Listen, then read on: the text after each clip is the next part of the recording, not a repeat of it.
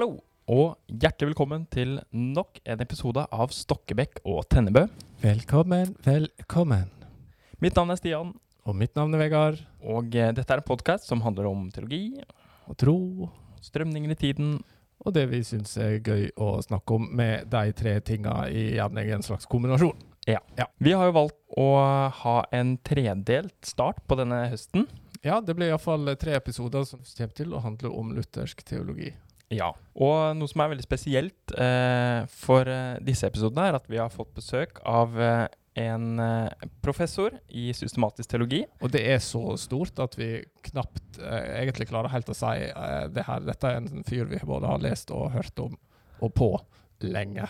Ja. Ja. Eh, Og veldig gøy at han har sagt ja til å være med i vår podkast. Og han heter professor Han heter ikke professor, men vi kan si det. Professor Joel Bierman. Jeg er litt spent på om vi bare skal Skal vi kalle han Joel, eller skal vi kalle han The Professor, eller skal vi bare kalle han Mr. Beerman? Mr. Bierman. Det blir spennende, det må vi finne ut av. Det må vi finne ut av. Han er iallfall eh, professor i eh, systematisk teologi på Concordia Seminary i St. Louis i Missouri i USA. da.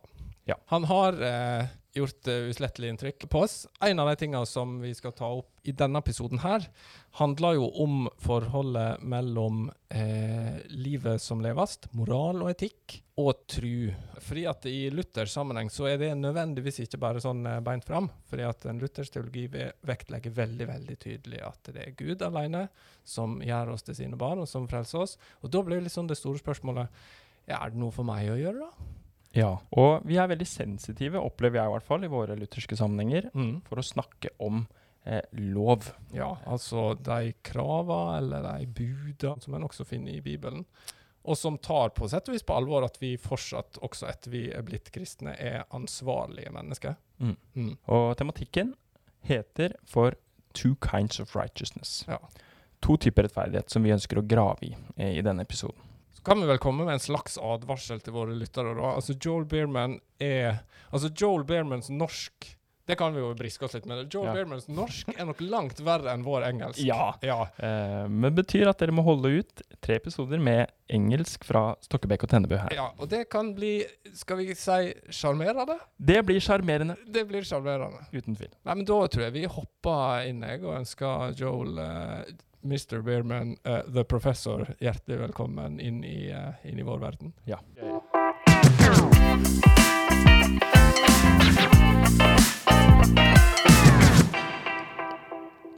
Okay, with us uh, in our studio, we have uh, a special guest, Professor Joel Biermann. Welcome. It's a pleasure to be with you guys this morning or evening for you. Yeah. or midday or something like that. Wha- uh, Yeah. Just b- b- before we start, what, what do we call you? Do we call you the professor? Do we call you Joel, Mr. Biermann? What, what what's your preference? Call me, call me whatever you like. I, I don't doesn't matter. Okay, the professor. I know that I know that in your context, first names is more appropriate, so that's fine. Yeah. Uh, Joel, can you tell us uh, a little bit about yourself? Who who are you? Sure. I um my name is Joel Biermann. I teach at Concordia Seminary in St. Louis, Missouri.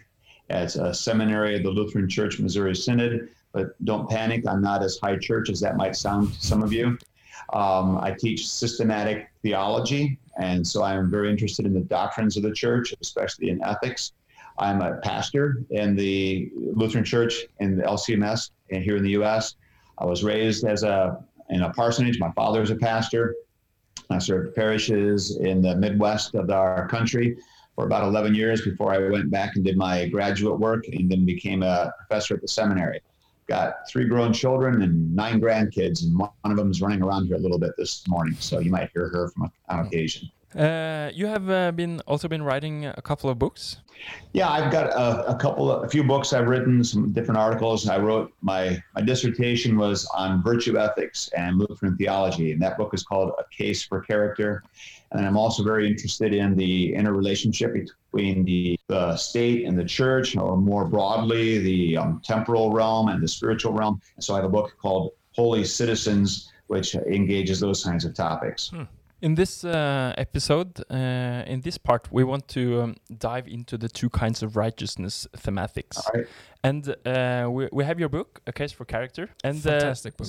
So, so that will be like our um, foundation f- for this first part. Uh, and Yeah. we wonder, could you uh, tell us why you you wrote the book?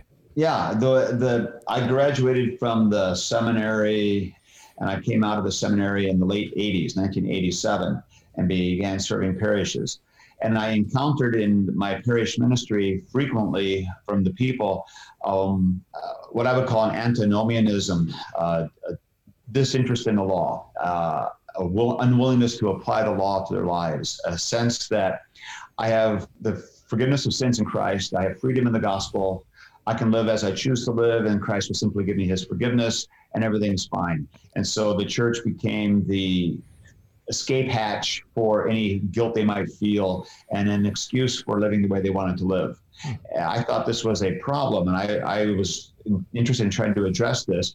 And I found that I had a theological pushback from a lot of people in the Lutheran Church and the, even my peers or teachers who are also saying, no, no, no, the law is always negative. The law should not be uh, having a key role in the life of the believer because the law is there only to show us our sin. And now we just go out and live in the gospel. And this became the driving, the driving framework and the driving ideas in the Lutheran Church in America in the late 20th century. And that's what I was trying to address in my book was this problem of does the law really serve only a negative role, or does the law have some positive function to play in the life of the believer? And so I began to explore this, especially from the context of virtue and the idea of training in virtue. And then I also did an exploration of the Lutheran confessions to substantiate that Martin Luther and Philip Melanchthon and the reformers all believed that the law was not merely negative. Certainly, it was there to show me my sin, but it's not only that, it also has a very positive function to play in directing the life of the believer. So that's kind of why I wrote the book was to uh, establish a theological doctrinal foundation for a life of good works and a life of Christian living hmm. that's not pietistic in the sense of I'm trying to earn God's favor or trying to earn my salvation. Not at all. And so, what I'm trying to make space for no, we are saved purely by grace through faith in Christ alone. And yet, once we're saved, we are then sent into the world to serve those around us and to live God's way in the world, which is a life in conformity with God's will, which is the law. So, in other words, they're not mutually exclusive.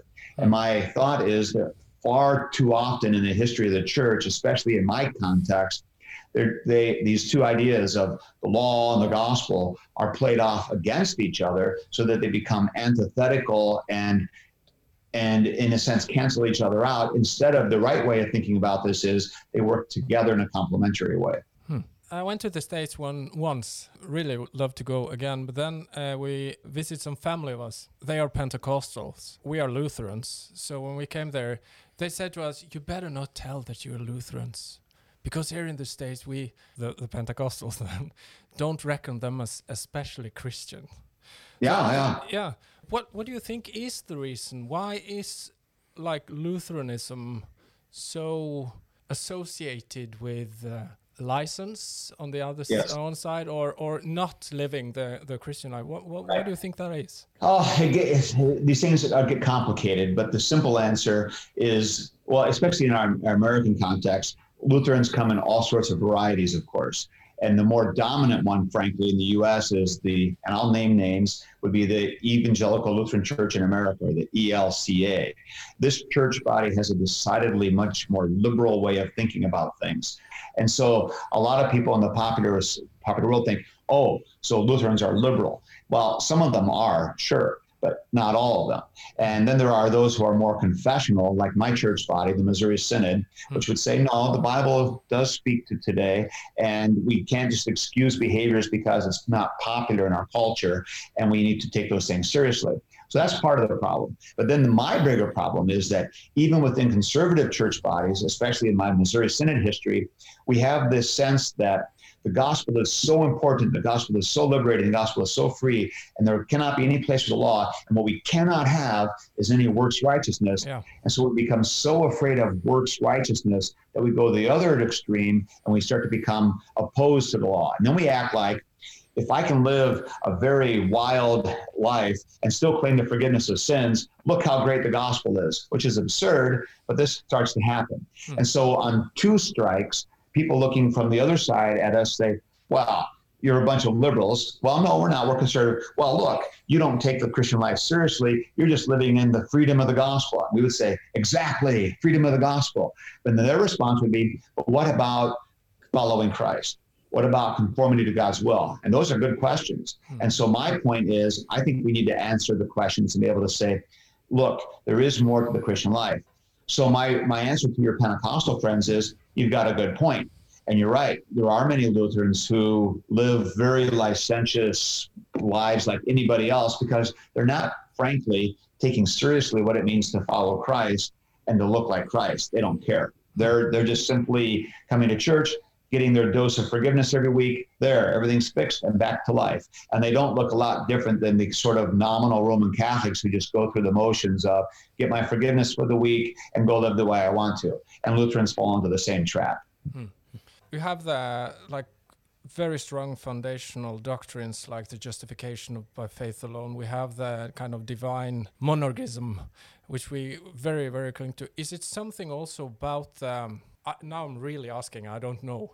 Something about um, sacramental ecclesiology, which brings in like as long as I just do this service, go to yeah. this service, then I'm I'm done. I'm okay. Then I go. Oh sure yeah, this this has its roots in some of the pietism and the pushback against the over, over intellectualizing the faith or the um, making it too austere and too doctrinal.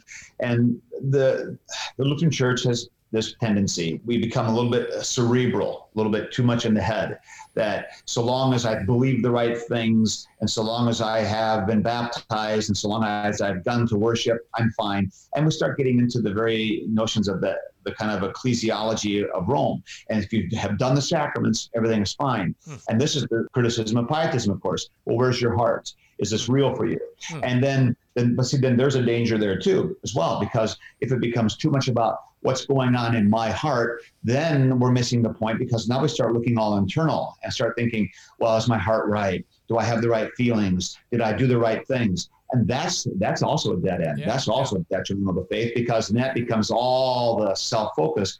The key then is figuring out well how do we how do we maintain this? How do we maintain the foundational doctrine, justification by grace through faith in Christ alone, and then also find room for well wait we should be living a certain way that honors God. We should be living in a way that serves neighbor. And we shouldn't be looking like the rest of the world. And we can't just go to church and take the sacrament and say, I'm done for the week where's where's the balance? Hmm. And that, of course, is where I think the two kinds of righteousness becomes such a powerful way to sort this out and to come to terms with how we think about the Christian life. And that's why my book, Case for Character, used the two kinds of righteousness, or as I developed it a little bit more, the a third kind of righteousness as well, to really sharpen the understanding of what it means to be human, living before God by faith, and serving the neighbor in my good works of love in your book you you divide this um, two kinds of righteousness into an active righteousness and a passive righteousness.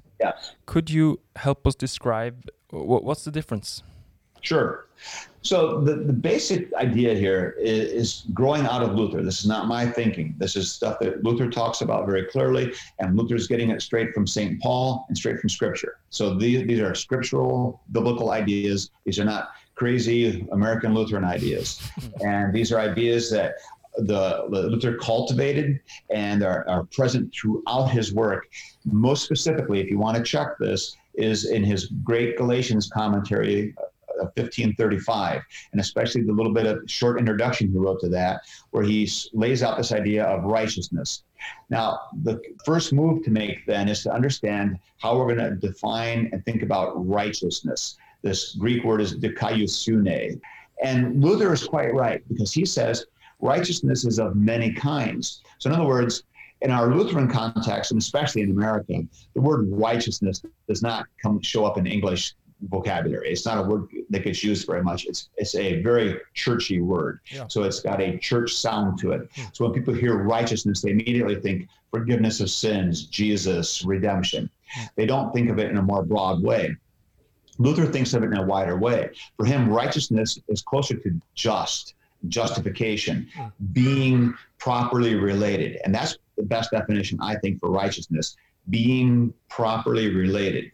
So when something is in a good relationship with things, other things, then it's righteous. That's what it means. So you're lined up where you need to be. You're in your right place. Hmm. So when Luther says righteousness of many kinds, what he's getting at is it depends on the relationship. Depends on what you're there to do. And he gives some different examples. So you could say there's a righteousness of my my job. So at work, when I have righteousness, I'm doing my job, my employer is happy. My fellow employees think I'm an asset to the to the business and they think I'm a good good resource and they enjoy working with me. So I have work righteousness. If I come home and I'm a very bad husband, then I don't have righteousness at home. Home righteousness would mean I'm being a good husband. I take care of my wife. I care for her. I listen to her. I raise my children well and I provide for them. And not only do I give them their financial resources, but I provide their encouragement and train them and teach them. So now I have home righteousness. And then I might say, what about my friendships? Do I have friendship righteousness? And so in every one of my relationships, I can think about what does it mean to be righteous? And I can also ask the question, what's it mean, mean to be righteous before the state? Do I pay my taxes? Do I know what's going on in the in the in the in the culture? Do I do I vote when I need to vote? Do I participate in my responsibilities? Do I have state righteousness? So Luther says, so there's lots of righteousness. And he says, now, really though, righteousness boiled down to two big categories active righteousness and passive righteousness.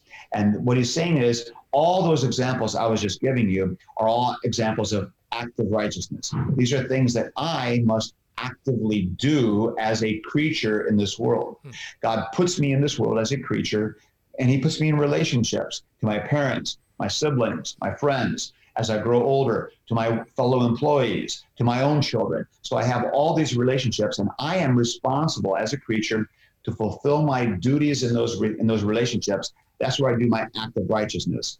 But there's another very huge relationship, very important, which is the relationship of me as a creature to my creator, to God.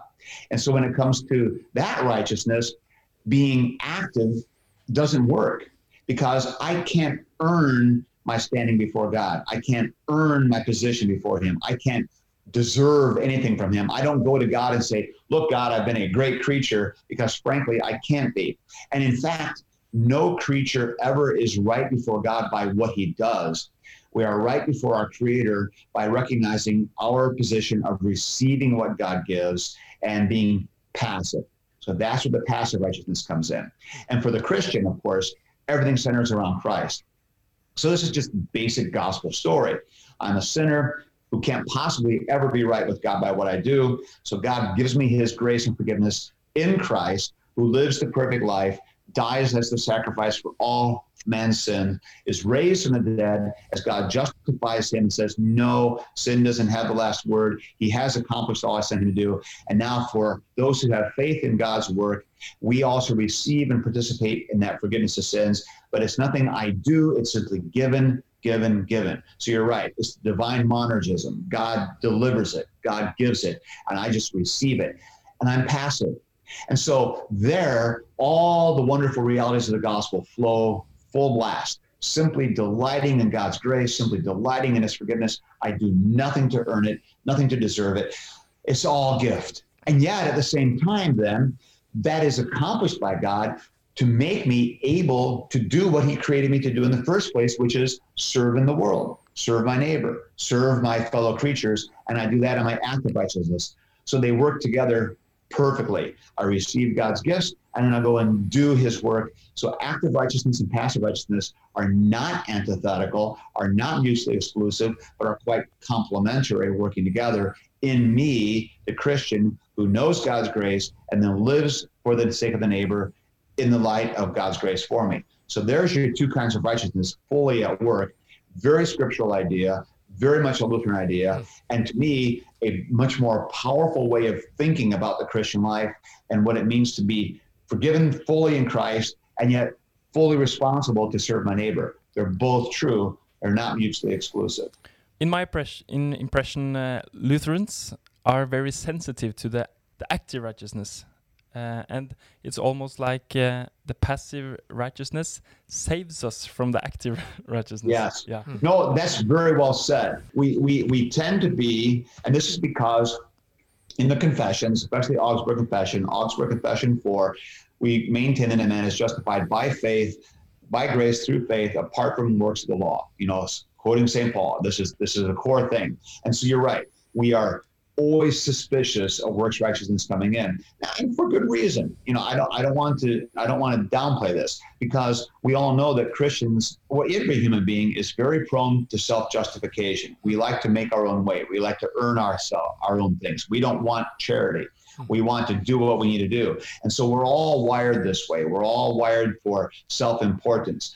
The theologian of glory inside every one of us mm. wants to count wants to matter, wants to be worthy of God's grace. And so we want to do stuff. And it's, it's always a temptation. And so we have to watch for this. Luther knew this. So when Luther was dealing with Roman, Roman Catholicism, that's what everyone's trying to do earn God's favor. Luther said, no, no, no, no, you can't earn God's favor. You simply receive it. Divine monergism, grace alone. But the danger then is that if you become so focused on that, you begin to forget about, but there is the responsibility we have to live in the world and to serve my neighbor and to do right things. But you're quite right. We're we're very very nervous about this works talk because it seems to be like it's going to tear down justification by grace through faith. It's going to lose the gospel. The gospel is going to be destroyed by the law. And that's why I think two kinds of righteousness is so important because it says, no, the gospel is not destroyed by the law. The law and the gospel work together to accomplish what God is seeking to do in his world. And this is the whole point. So active righteousness does not negate the reality of the gospel, it doesn't negate God's gift to me, but active righteousness simply provides the shape of the Christian life. And having clarity about those things helps me to think better about what I should be doing at any given time. And that's another one of Luther's key teachings known as the doctrine of vocation that grows straight out of this. The idea of this callings from God to serve my neighbor. And then you, you tie all of this to virtue ethics uh, specifically, yes. and not just like uh, duty ethics. Uh, the Christian life is not a program where you just check out the things that you need to do, uh, but it's something from within, in a way. Right. Could could you tie tie the virtue ethic dimension into this? Yeah, yeah, for sure. So virtue ethics is interesting because it has its roots all the way back in Aristotle, and it's thinking about the kind of person you should be. So, in other words, virtue ethics is sort of giving a different way of thinking about the task of ethics. Traditionally, in the, in the 20th century, ethics was usually done either deontologically or teleologically. In other words, it's either an ethics of duty, just do the list, hmm. or it's an ethic of trying to get something done. The, the ends justify the means, yeah. ethic of utility. Hmm. In the 20th century, increasingly in the secular world, utilitarian ethics has become the name of the game. It's whatever produces a good result. And the question, of course, becomes well, who decides what's good? But that's another problem. And so utilitarian ethics becomes very, very popular. And then you have other Christians who say, no, no, no, no, no. The ends don't justify the means. We need to do the list. We need to keep the Ten Commandments. We need to do the, right thing. Virtue ethics says maybe it's not just do the list. And maybe it's not just try to figure out the best result. Maybe the right thing to do is to be the person God created me to be, to be what I should be. At least that's a Christian way of looking at virtue ethics. Hmm. A Christian says, no, the goal here is not simply to um, be self fulfilled, but the goal is to be what God created me to be. So that's where virtue comes into play. And that's where I think a Christian can embrace this idea of virtue, not in the sense that I need to be the best person I can be for myself, but I need to be the person that God created me to be for the sake of my neighbor. So when I'm pursuing virtues, it's not so that I become a more holy person or more righteous person or more self justified person. We don't need people like that. They're annoying enough. The goal is to be the person God created me to be, which is a good creature who serves well my neighbor. And the virtues then become tools that I use to make me better at these things. For example, when I learn the virtue of patience and I cultivate this virtue, it makes me a better father. It makes me a better husband. I learn not to get so upset about little things. When I cultivate the virtue of uh, industriousness and working hard and learning to see things through and finish things, it makes me a better employee. It makes me better at doing my work. So I get my, my, my papers graded and back to my students, and they like that, and everybody benefits.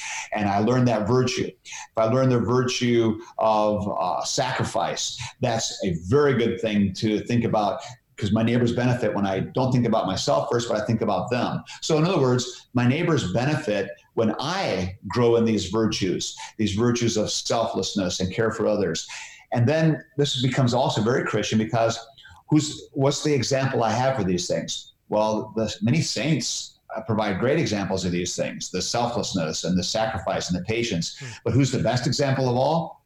Christ Himself, who is the full, perfect human being. And so, do I strive to learn from Christ? Absolutely. Strive to be like Christ? Yes, in the sense that he is doing what God created him to do and put him here to do as the human being Jesus. But he is, of course, the incarnate Son of God.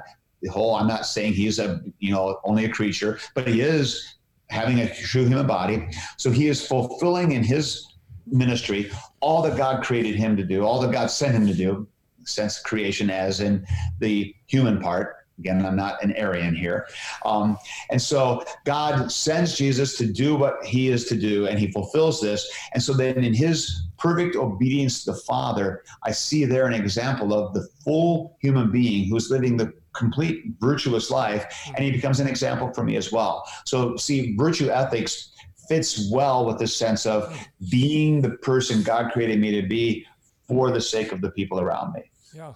Is it like you you lean into the passive righteousness of receiving and seeing and enjoying and just delighting in what you receive and what you get and, and, and who the person of Christ is and then applying that out into the active righteousness so there is an alignment uh, both in the, the inner making of you as a Christian person and the life you're actually living. That's no, that's exactly right. And the more and see, they work together very well because when I strive to be more virtuous and be a better husband and a better father, inevitably I'm going to fall short. Yeah. Um, every day I will fall short. Mm-hmm. And when I'm doing an honest evaluation, I'll have to say, ah, I was not nearly as patient as I should have been, or I was not as kind. And those words they had an edge to them that was not kind. And i see my i fall short. So even as when i strive to become more and more virtuous more righteous what i end up ha- when it ends up happening always is i see how far short i fall.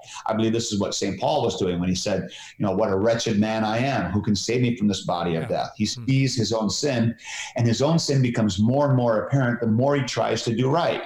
And then what happens i'm driven then back to the need for god's grace and he gives it every time. And I just delight more and more.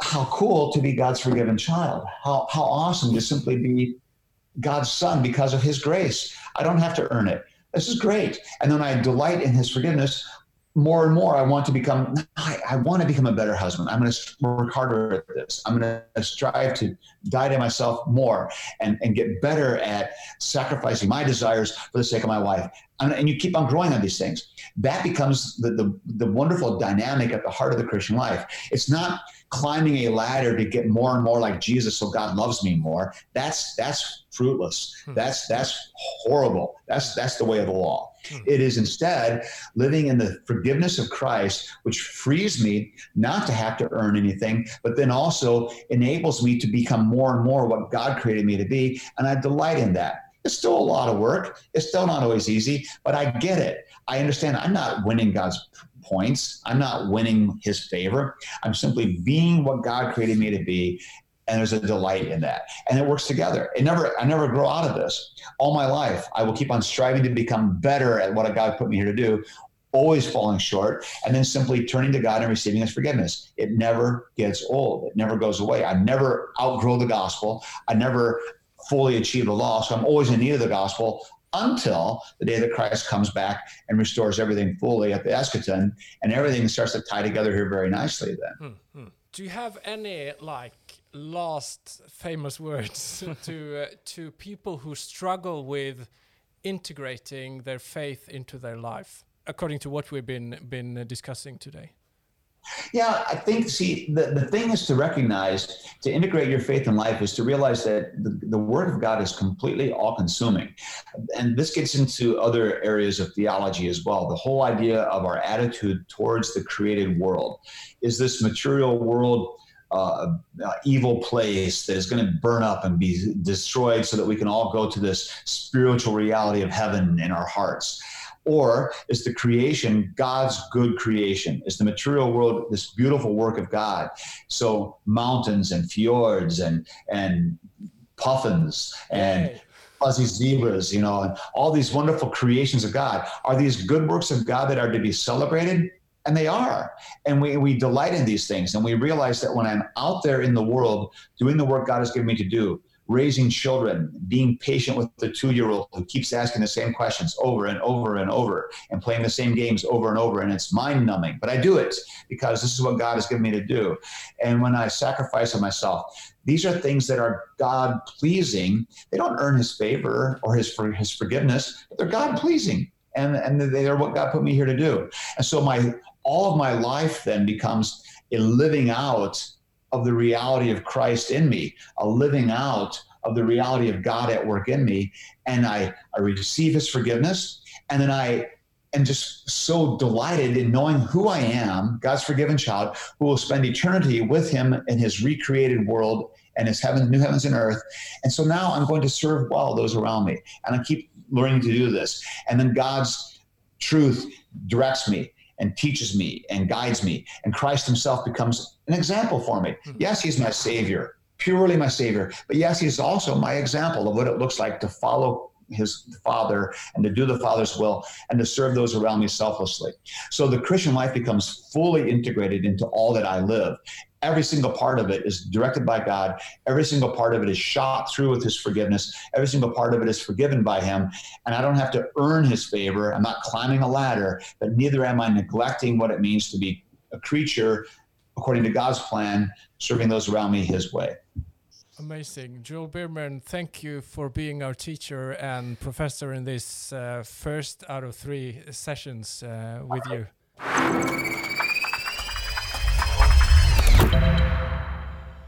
OK. OK. okay. En uh, liten halvtime der med Joel Beardman. For en mann. For en mann, rett og slett. Ja. Uh, jeg, uh, jeg sitter og er litt sånn Jeg veit ikke helt hvor jeg skal det, det er mye her å ta tak i. Ja. Hva, hva sier man etter, etter noe sånt? En blir jo så begeistra over litt sånn evne til å presist artikulere og fortelle ting, samtidig som han aldri egentlig forlater denne, denne jorda og bare forsvinner ut i noe som er helt irrelevant og high fly, og som Ja. ikke går an å følge. Men så er han litt sånn til stede så engasjert, da. Så liksom den, her, den sida av han er jo fascinerende i seg sjøl. Vi kunne Mm. sikkert snakket lenge om det. Men han, det han sier, da, opplever jeg også er så, det er så relevant, og det er så og det er så masse òg, så det er liksom Hvor begynner vi? Hvor begynner vi? Når og det er vel kanskje ikke noe poeng for oss heller å, å oppsummere alt. Nei, det er ikke uh. Men noen sånne her uh, takeaways, hva liksom traff Hva traff meg, hva traff deg, Uh, kunne vi Ja. kanskje gjøre? Jeg, jeg syns i hvert fall ofte så kan man kjenne på at det er et sånt åndelig rom man trer inn i eh, når man går inn på en gudstjeneste eller en kirke, Ja. eller er i en kristen sammenheng. At man Da er man på sett og vis åndelig, og da gjør man noe åndelig. Men han, han snakker om eh, livet på noe jeg mener er en veldig sunn måte. Det, det er en helhet her. ja. Eh, vi er ikke åndelig i det ene øyeblikket, og det andre øyeblikket gjør vi uåndelige ting, men det er noe med at vi er i en, i en helhet her, da. Og Mm. sant, du, du blir ikke mer åndelig enn når du gjør det Gud har satt deg til å gjøre. For eksempel kaste ball med datteren din, Mm. enda hvor kjedelig det kan være. Sånn, Mm. om og om og om igjen. Men det Ja, for det, jeg tenker iallfall at det der er, det er veldig fort, tror jeg, å skille litt sånn mellom nå gjør jeg de kristne tinga, og så nå gjør jeg bare helt sånn vanlige ting. Ja. Sant? Og når jeg gjør de kristne tinga, da er jeg åndelig, og da er jeg i bestemte bygg med bestemte mennesker til bestemte tidspunkt og har bestemte aktiviteter. Og det, det, da er jeg liksom i modus. Ja, og det er så mye koder her. Ja. Eh, Og så går jeg ut igjen i det her er bare det vanlige hverdagslige. Og det er ikke det at jeg tenker at det er ondt, eller sånn, men det er akkurat som om jeg også mange ganger Jeg syns jeg ser mange lever iallfall som om dette her er liksom ikke Tilgangen til Gud er liksom vekk, da. Ja. Nå er hverdagen her. Uh, gleder meg til neste søndag, for da er jeg inne i en slags, et rammeverk som gir meg tilgang på, på Gud. Mm. Mm. Um, Jeg syns det, det er kult å høre og han snakke om det her med med liksom motsetningene, eller unnskyldningene kanskje vi gir oss for å ikke leve det kristne livet. For hans take var jo at uh, hele livet, som skapt av Gud, så lever vi et helt liv eh, i Guds verden. Og Der er liksom ingenting i det som er liksom utafor rammeverket eller horisonten for å kunne lære mer av hva det betyr å være menneske, lære mer av hva det betyr å være menneske i Guds bilde. Mm. Og eh, leve det livet som, som Jesus har kalt oss til å leve, på et vis. da. Mm. Og at det ikke, da, som du sier, gjøres bare på bestemte ting, men muligheten til å vokse i det, være i det, det er Mm. der hele tida. Mm. Eh, absolutt hele tida. Sånn det er ingen relasjon som liksom er utenfor horisonten eh, i det kristne livet. Det er ingen aktivitet som egentlig er helt utenfor horisonten til det, til det kristne livet. Mm. Ja. Og så syns jeg òg det var fascinerende hvordan han egentlig beskriver i starten en sånn type kristendom der, der eh, etterfølgelseselementet egentlig er vekk. da. Altså en, en tror greien, en, en kan sikkert svare riktig på alle tester om hva innholdet i trua eller Mm. sånt er, da. men en lever ikke det. Nei. Og det tenker jeg er jo et, et, eh, ei utfordring til oss alle. sant? Forbildefunksjonen i Jesus, rett og slett. Etterfølgelse og etterlevelse. Hvordan kan du leve et integrert liv der Mm. du tror noen ting, og så får det ganske praktiske konsekvenser i valgene du gjør, og i livet som du lever, og i verdiene som du har, og i måten du bruker penger på, eller Ja. Mm. Det er liksom Det er et svært prosjekt, da. Og så er det eh, friskt å høre eh, noen som så presist og så velartikulert klarer å skille lov og evangeliet. Ja. Vi, vi er dårlige på det. Ja, vi spiller dem ofte enten ut mot hverandre, eller noen av oss kanskje tenker at uh, oppgaven vår er å gjøre evangeliet så stort og frigjørende og fantastisk som overhodet mulig. Den eneste måten å gjøre det på, er å rett og slett ikke gjøre eller leve etter det, og sånn at en kan komme tilbake igjen og motta tilgivelse for syndene. Og dess flere synder jeg har, dess mer tilgivelse trenger, og dess større blir nåden, og dess større blir på en måte det Jesus har gjort for oss på korset. sant? For vi, Ja. vi klarer jo ikke dette livet selv. Mm. Ja. For det, Man er jo kanskje på tynn is når man sier det, men evangeliet har jo et problem. Ja, ja nå Og det- er jeg spent. Jeg det er jo at det Ja. forteller deg faktisk ikke hvordan du skal leve. Det forteller deg at eh, ja, du er, du er tilgitt, nåde alene, og, men eh, det hjelper deg ikke i å liksom manøvrere i det her livet. Hvordan Mm. skal jeg leve livet mitt? Og da var det veldig kult det han sa om, eh, om dette med dydsetikk, eller grunnen til at han var opptatt av dydsetikk og skrev denne boka som vi har referert til Mm. i, um, i intervjuet, var jo at det å leve et godt liv handler ikke om å leve et liv der du liksom krysser av på en sånn lang sjekkliste over kristne plikter. Sånn, da gjør du sånn og sånn, og, og hvis du gjør det, så er du på en måte innafor. Men, men det det handler om, er å være den personen Jesus har skapt meg til å være, og kalt meg til å bli. da. Og da blir dydene, sant, altså tålmodighet eller å være hardtarbeidende eller nestekjærlighet, det blir på en måte verktøy som jeg kan bruke for å bli den personen som nesten min trenger at jeg er. Mm. Og Det syns jeg var kanskje litt sånn, et sånn frigjørende perspektiv. Mm. Ikke gjøre de gode tinga, men bli den gode personen, da. Og det blir jeg når jeg forholder meg til, til Jesus i tru. Mm.